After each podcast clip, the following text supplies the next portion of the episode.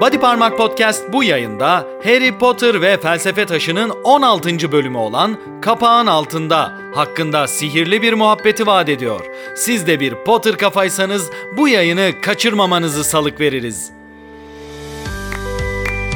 Sevgili cadılar, değerli büyücüler, kıymetli cin cüceler ve bilimum zevat. Body Parmak Podcast'e hoş geldiniz. Ben mihmandarınız Batuhan Yalçın. Bu yayındaki misafirliğiniz boyunca sizlere eşlik edeceğim.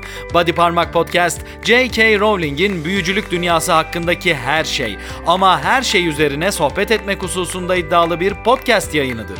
Sohbetimiz boyunca sizlere dostlarının Harry'i asla yalnız bırakmamasından ve Harry Potter'ın ilk kez ailesini katleden kişinin peşine düşmesinden bahsedeceğiz. Yayınımız boyunca bu bölüme dair özel notlar ve fevkalade anlarla sizleri buluşturacağız. Tüm bu tantanaya başlamadan evvel karşınıza bölümün özetiyle çıkıyoruz. Buyurun efendim.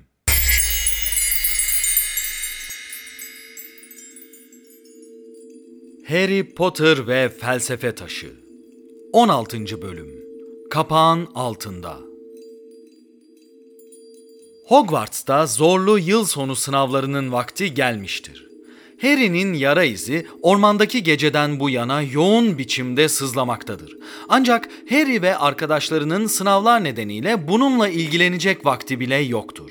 Nihayet son sınavlarının bittiği gün Harry'nin aklını kurcalayan şeyleri sormak için Hagrid'in yanına giderler. Harry Hagrid'e ona ejderha yumurtası satan kişinin kim olduğunu sorar. Hagrid'in cevabı üzerine Harry korktuğu şeyin yaşanmakta olduğunu fark eder. Hagrid ona yumurtayı satan kişiyi tanımadığı gibi o kişiye üç başlı köpeği nasıl geçeceğini de söylemiştir. Harry ve arkadaşları artık felsefe taşının çalınmak üzere olduğundan emindirler. Harry, Ron ve Hermione onlara engel olmak isteyen öğretmenleri ve arkadaşlarına rağmen yasak koridora gider ve felsefe taşını onu çalacak kişiden önce bulmak için tüm sihirli engelleri aşmaya çalışırlar. Üç başlı köpekten ve onları boğmak isteyen bitkilerden kurtulduktan sonra yüzlerce anahtar arasından doğru olanı yakalayıp bir başka kapıyı geçerler. Bir büyücü satrancı maçına katılıp oyunu kazanırlar. Sona yaklaşırken girdikleri yeni odada engel olan devasa bir ifrit çoktan saf dışı bırakılmıştır. Son engelin bulunduğu odada nihayet Profesör Snape'in iksir bilmecesini de çözerler ve Harry Potter felsefe taşının bulunduğu odaya giriş yapar. Odaya girdiğinde bulmayı beklediği hırsız Profesör Snape veya Lord Voldemort'un kendisidir. Oysa Harry odaya girince büyük bir sürprizle karşılaşır. Harry Potter ve onun büyücülük dünyasının müptezeli olmamıza neden olan bölümlerden biri işte bu yayında incelediğimiz Kapağın Altında adlı bölüm. Sevgili Potter kafalar, şöyle bir hatırlayın. Henüz sadece ilk kitap çıkmışken ve biz soluk soluğa kitabın sonuna yaklaşırken bu bölümde olanları ilk kez okuduğunuz anları hatırlayın. Aklımız yerinden oynamıştı. Hogwarts'ta yaz başlangıcının göl kenarı keyif çatmalarından tutun da büyüye, efsun oyuna, maceraya ve sihirli yaratıklara doyduğumuz bu muhteşem bölümü okumak daima mucizevi bir deneyim. Bu seriyi okuyucusu için bir tutku haline getiren en baba bölümlerden biri bu bölüm. Muhteşem ve büyülü maceraların yanında ilk kitabı sadece aklımızdan geçirdiğimizde bile sürekli hatırımıza gelen üç duygusal an da yine bu bölümde bulunuyor. Ron ve Hermione'nin asla Harry'i yalnız bırakmadığı ve maceraya birlikte atıldıkları an. Neville'ın tam ve gerçek bir Gryffindor olarak inandığı doğrular için kendi dostlarına bile karşı çıktığı an ve sonunda Hermione'nin Harry'e çok büyük bir büyücüsün sen dediği o efsanevi anlar. Üçü de bu bölümde. Bu anları ayrıca fevkalade anlar dediğimiz kısımda sizinle romantik romantik paylaşacağız. Kapağın altında adlı bu 16. bölüm bu kitabın ve tüm serinin en maceralı, en büyülü ve sürekli hatırladığımız ikonik bölümlerinden biri. Bu bölüm hakkında konuşmak her daim Potter kafalar için çok büyük keyif. Bu bölümü öve öve bitiremeyiz. Dilerseniz daha fazla konuşmayalım ve bu bölüm için derlediğimiz özel notlarımızı sizlerle paylaşalım. İşte geliyor.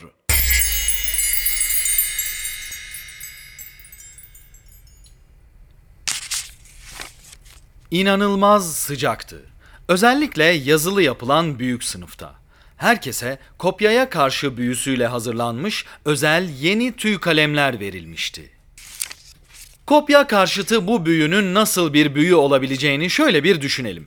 Sihirli tüy kalemlerin yapabildikleri şeyler var. Zümrüdü Anka Yoldaşlığı'nın 7. bölümünden bildiğimize göre tüy kalemler dikte etmeleri için efsunlanabiliyor. Ateş Kadehi'nin 18. bölümüne baktığımızda da tez tekrar büyüsüyle tüy kalemlerin kendiliğinden yazmalarının sağlanabildiğini görüyoruz. Melez Prens'in 21. bölümünden bildiğimiz kadarıyla da yazım hatalarını düzeltebilecek şekilde efsunlanmış tüy kalemler mevcut. Kopya karşıtı büyü bir şekilde bu ve benzeri büyüler için derlenmiş bir özel efsun olmalı. Hogwarts öğretmenleri bu büyü yapılmasına karşı büyülenmiş tüy kalemler sayesinde kopya çekmeyi engellemeye çalışıyor gibi görünüyorlar unutma iksirinin nasıl yapıldığını hatırlamaya çalışırlarken Snape tepelerine dikilip onları tedirgin ediyordu.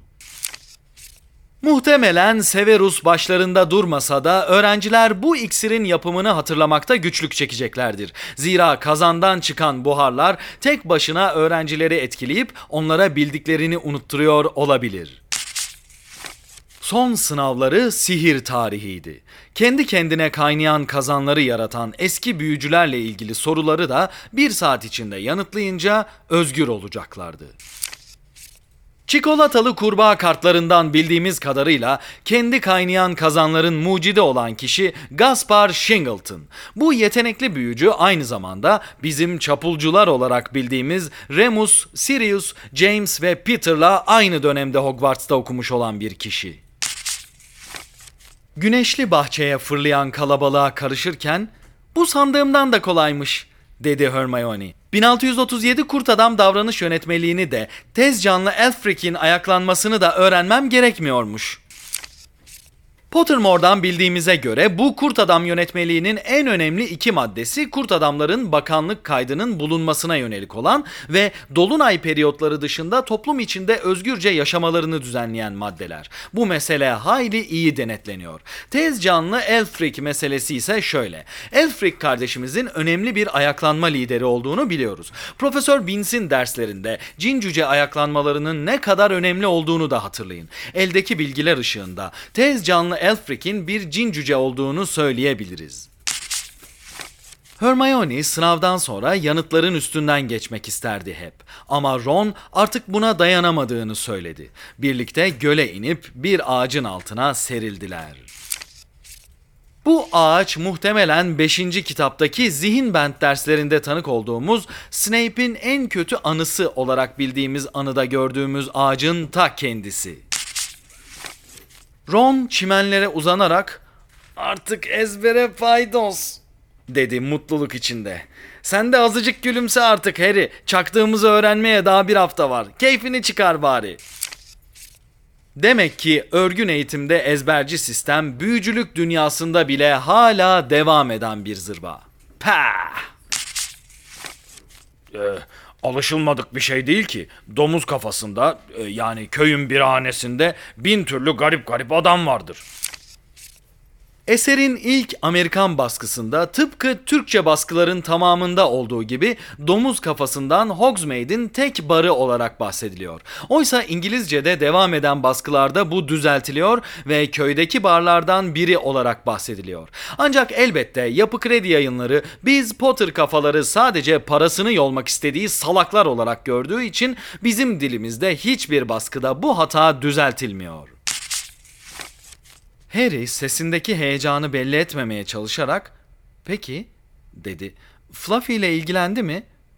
Şey, evet insan kaç tane üç başlı köpek görür hayatında Hogwarts'ta bile. Ben de anlattım. Yatıştırmasını bilirsen Fluffy şeker gibidir dedim. Azıcık müzik çal hemen uykuya dalar.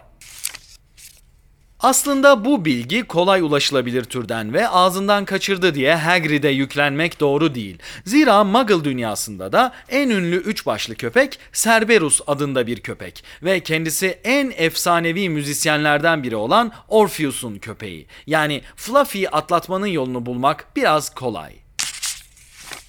Soğuk soğuk. Profesör Dumbledore 10 dakika önce gitti dedi Profesör McGonagall. Sihir Bakanlığından acele baykuş yollamışlar. Hemen Londra'ya uçtu. Buradaki uçtu ifadesine bakarak ve Zümrüt Anka yoldaşlığının 21. bölümünü referans alarak Dumbledore'un bu seyahati testrallerle yaptığını söyleyebiliriz. Hogwarts arazisinde cisimlenmek yasak ve şöminelerden seyahat etmek de mümkünsüz olduğu için en afilli ve en hızlı yol testraller. Söyleyeceklerin sihir bakanlığından daha mı önemli Potter?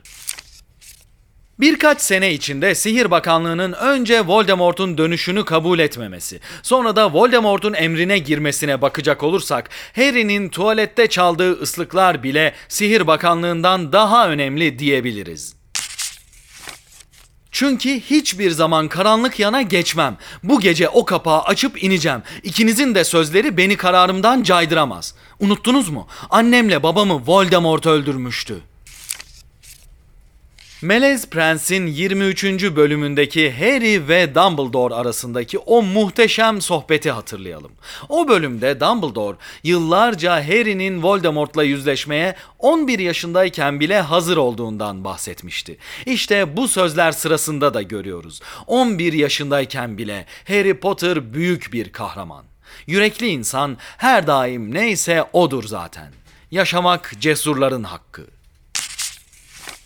Hermione olanaksız dedi hemen. Flitwick sınavdan yüzde 112 aldığımı söyledi gizlice. Artık beni kovamazlar. Demek ki Profesör Flitwick bazı Muggle üniversite hocalarının yaptığı gibi sınavlarına ekstra puan alınabilecek sorular da koyuyor ve Hermione her şeyin tamamını yanıtlayıp böyle bir puan alıyor. Harry kapının yanındaki duvar saatine baktı. Artık daha fazla zaman yitiremezlerdi. Gryffindor ortak salonunda Muggle yapımı ve tamamen anneanne evi işi bir duvar saati var. Muhteşem, muhteşem. Hermione, sakın kıpırdamayın, dedi. Nedir bu biliyorum, şeytan kapanı. Aman diye homurdandı Ron. İyi ki adını öğrendik, bize ne büyük yararı var ya. Arkasına yaslandı, bitkinin boğazına sarılmasını önlemeye çalıştı.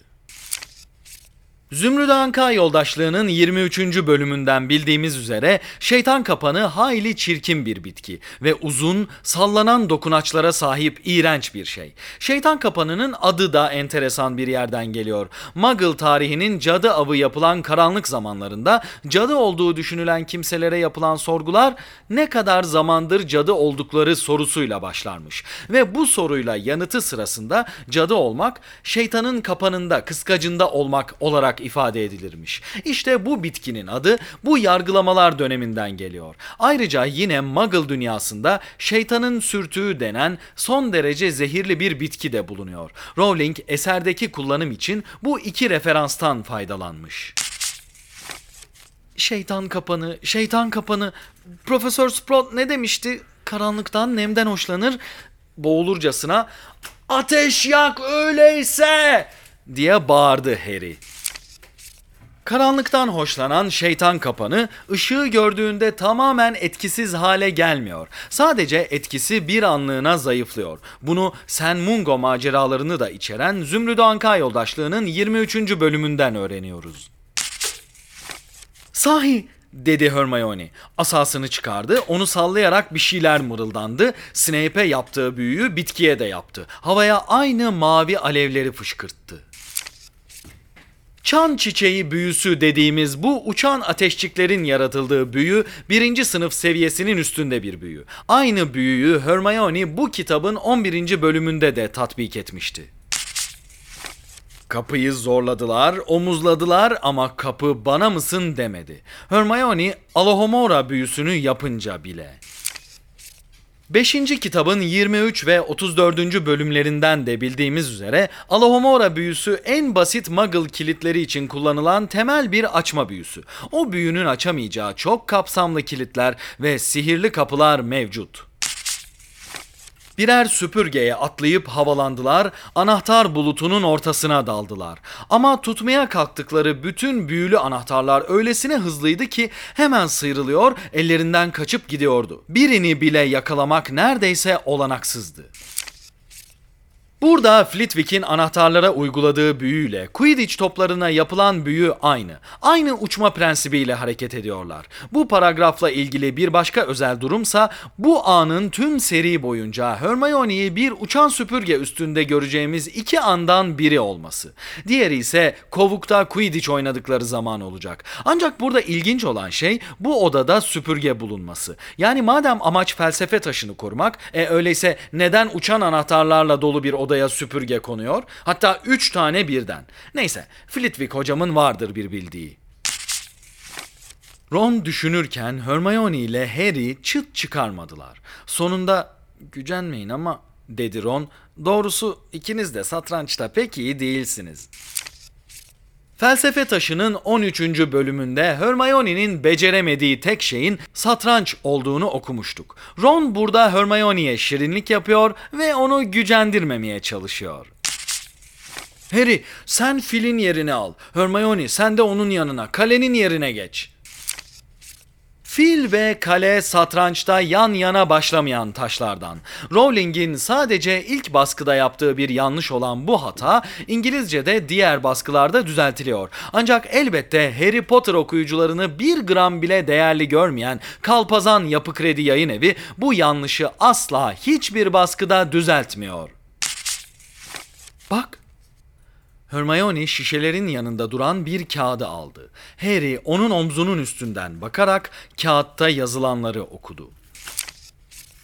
İksir bilmecesi sevgili yazarımız Rowling tarafından itina ile oluşturulmuş bir engel. Gerçekten üzerine çalışılmış olan bu bilmecenin 420 ihtimal arasından işe yarayan sadece iki çözümü var. J.K. Rowling inci gibi işleyerek karşımıza gerçek bir macera kitabı içinde böyle değerli bir bilmeceyi de çıkarıyor. Canım benim Rowling. Harry minik şişeye baktı. Bunun içindeki sadece birimize yeter dedi. Tek yudum bile yok neredeyse. Bir damlacık bir iksirle ateşten geçildiğine ve Harry'den önce Quirrell buradan geçtiğine göre bu şişelerdeki iksirler oda her açıldığında veya alevler her uyandığında yeniden doluyor olmalılar. Değerli Potter kafalar 16. bölüm için derlediğimiz özel notlarımız işte böyleydi. Şimdi fevkalade anlar dediğimiz kısma geçiyoruz. Bu başlık altında incelenen bölümdeki en etkileyici anları, en ilgi çekici imgeleri yahut en duygusal kısımları incelemeye alıyoruz. Buyurun efendim, karşınızda fevkalade anlar.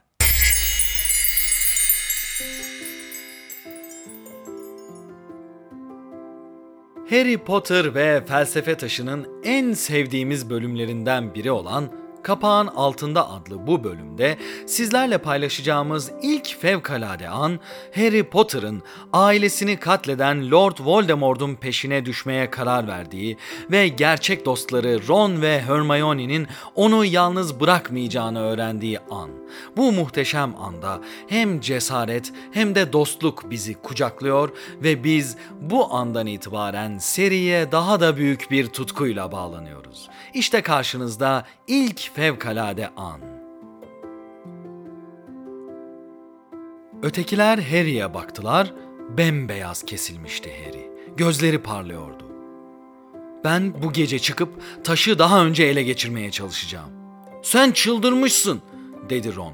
Yapamazsın bunu, dedi Hermione. McGonagall'la Snape'in söylediklerinden sonra kovulursun. Ne çıkar? diye bağırdı Harry. Anlamıyor musunuz? Snape taşı ele geçirirse Voldemort dönecek. O zaman neler olur düşünsenize. Kovulacak Hogwarts bile kalmaz ortada. Yerle bir eder burayı ya da karanlık sanatlar okuluna çevirir. Puan silinmesinin bir anlamı yok artık. Gryffindor okul kupasını kazanırsa Voldemort sizi de ailelerinizi de rahat bırakacak mı sanıyorsunuz? Taşı ele geçirmeden yakalanırsam Dursley'lerin yanına döner Voldemort'un beni orada bulmasını beklerim. Bu da olsa olsa ölümümü biraz geciktirir o kadar. Çünkü hiçbir zaman karanlık yana geçmem.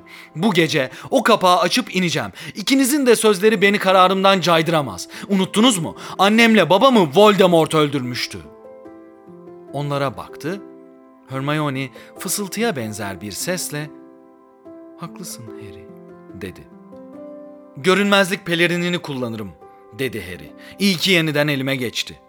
Ron Üçümüzü de kaplar mı dersin? diye sordu. Üçümüzü de mi? Seni yalnız bırakacağımızı sanmıyorsun ya. Tabii bırakmayız diye atıldı Hermione. Biz olmadan taşa nasıl ulaşırsın? Ben iyisi gidip kitaplarıma şöyle bir göz atayım. Belki yararlı bir şeyler bulurum. Ama yakalanırsak siz de kovulursunuz. Hermione olanaksız dedi hemen. Flitwick sınavdan %112 aldığımı söyledi gizlice. Artık beni kovamazlar.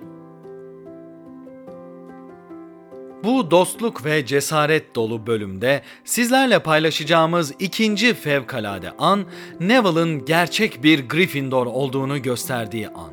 Bu bölüm boyunca karşımıza çıkan cesaret anları belki de seriyi okuyan tüm okuyucuların gerçek bir büyücülük testi çıkana ve internette yayınlanana kadar Gryffindor olmak istemelerinin sebeplerinden biri. İşte o anlardan bir tanesi daha. Neville Longbottom gerçek bir Gryffindor ve şimdi karşınızda. Odanın köşesinden "Ne yapıyorsunuz?" diye bir ses geldi. Neville elinde kurbağası Trevor bir koltuğun arkasından belirdi. Kurbağa özgürlüğüne kavuşmak için bir deneme daha yapmaya hazırlanıyordu herhalde. Harry pelerini hemen arkasına saklayarak "Yok bir şey, yok bir şey." dedi. Neville onların suçlu yüzlerine dikti gözlerini. "Yine çıkıyorsunuz." "Hayır, hayır, hayır." Dedi Hermione. "Çıkmıyoruz. Sen niye gidip yatmıyorsun Neville?" Harry kapının yanındaki duvar saatine baktı. Artık daha fazla zaman yitiremezlerdi. Belki de Snape şu anda Fluffy'yi uyutmaktaydı. "Çıkamazsınız." dedi Neville. "Yine yakalanırsınız. Gryffindor'un durumu daha da kötüye gider." "Anlamıyorsun." dedi Harry. "Bu çok önemli." Ama Neville elinden gelen çabayı göstermekte kararlı gibi görünüyordu. Resimdeki deliğin önüne geçerek "Bunu yapmanıza izin vermeyeceğim." dedi. "Sizinle sizinle dövüşürüm." Neville diye patladı Harry. Çekil o deliğin önünden. Salaklığı da bırak. Bana salak diyemezsin. Kuralların dışına çıktığın yetmez mi? Hem herkese direnmemi söyleyen sen değil misin? Ron'un sabrı tükenmek üzereydi. Ama bize karşı değil dedi. Ne yaptığını bilmiyorsun Neville. Bir adım attı, Neville Trevor'ı yere bıraktı. Kurbağa da hemen ortadan yok oldu. Yumruğunu kaldırarak "Hadi bakalım." dedi Neville. "Sıkıysa gel de vur. Ben hazırım." Harry Hermione'ye döndü. "Bir şey yap." dedi çaresizlik içinde. Hermione ilerledi. "Neville," dedi. "Bunun için gerçekten özür diliyorum senden." Asasını kaldırdı, onu Neville'a doğru uzatarak "Petrificus totalus!" diye bağırdı. Neville'ın kolları iki yanına yapıştı. Bacakları birbirine kenetlendi. Bütün bedeni kas katı kesildi. Olduğu yerde biraz sallandı, sonra da kütük gibi kas katı yüzüstü yere düştü. Hermione koşup onu çevirdi. Sırt üstü yatırdı. Neville çenesi kilitlendiği için konuşamıyordu. Sadece gözleri oynuyor, dehşet içinde onlara bakıyordu. Ne yaptın ona? diye fısıldadı Harry. Hermione üzüntüyle beden kilitlenmesi dedi. Özür dilerim Neville. Başka çaremiz yoktu Neville. Şimdi anlatamayız dedi Harry. Sonra anlarsın Neville dedi Ron. Üstünden atlayıp görünmezlik pelerinine büründüler. Kapağın Altında adlı bu bölümle ilgili sizlerle paylaşacağımız üçüncü ve son fevkalade anda dostluk ve cesaretin gerçekten takdir edildiğine ve Harry Potter'ın ne kadar yürekli bir büyücü olduğuna bir kez daha tanık oluyoruz. Bu harika an hem kitapları okuduğumuzda hem de Harry ile Hermione'nin dostluğu aklımıza geldiğinde hiç çıkmayan anlardan biri. İşte karşınızda Hermione ve Harry Potter'ın cesareti. Kağıdı birkaç kez okudu Hermione. Sonra şişeleri inceledi teker teker. Bir şeyler mırıldanarak onları gösterdi parmağıyla. Sonra ellerini çırptı. Buldum dedi. Bizi siyah ateşten en küçük şişe geçirecek. Taşa götürecek. Harry minik şişeye baktı. Bunun içindeki sadece birimize yeter dedi. Tek yudum bile yok neredeyse. Birbirlerine baktılar. Peki mor ateşten geçip dönmemizi hangisi sağlıyor? Hermione sağda en kenarda duran yuvarlak şişeyi gösterdi. Sen iç onu, dedi Harry. Hayır, dinle beni. Gidip Ron'u al. Uçan anahtarların bulunduğu odadaki süpürgelere binersiniz. Uçarak kapaktan geçer, Fluffy'yi atlatırsınız. Doğru baykuşhaneye gidip Hedwig'i Dumbledore'a gönderin. Onun yardımı gerekiyor. Ben Snape'i bir süre oyalarım ama teke tek kalırsak baş edemem. Ama Harry, ya yanında kim olduğunu bilirsin sen de varsa? Harry alnındaki izi göstererek eh dedi. Bir keresinde şansım yaver gitti öyle değil mi? Belki yine öyle olur.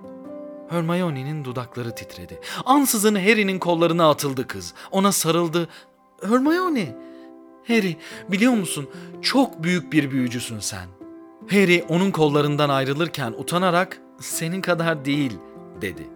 Benim kadar değil mi? dedi Hermione. Kitaplar, kafa çalıştırma. Daha önemli şeyler var. Dostluk, cesaret. Ah, Harry, dikkatli ol. Body Parmak Podcast'te bugün sizlere felsefe taşına giden çetrefilli yollardan ve dostlukla cesaretin aşamayacağı hiçbir engel olmadığından bahsettik. Harry Potter ve felsefe taşının 16. bölümü olan Kapağın Altında üzerine söyleyeceklerimiz bundan ibaretti. Siz Potter kafalar da saçma sapan yarışma programlarına SMS atıp medya maymunlarını zengin etmek yerine tuttunuz bizi dinleme inceliği gösterdiniz. Sağ olun, var olun efendim. Bize daima bodyparmak.com adresinden ulaşabilirsiniz. Gelecek yayınlarımızda da Harry Potter ve büyücülük dünyası üzerine sihirli sohbetler etmeye devam edeceğiz. Tekrar görüşünceye dek hoşça kalın ve unutmayın. Hogwarts'ta isteyen herkese yardım edilir.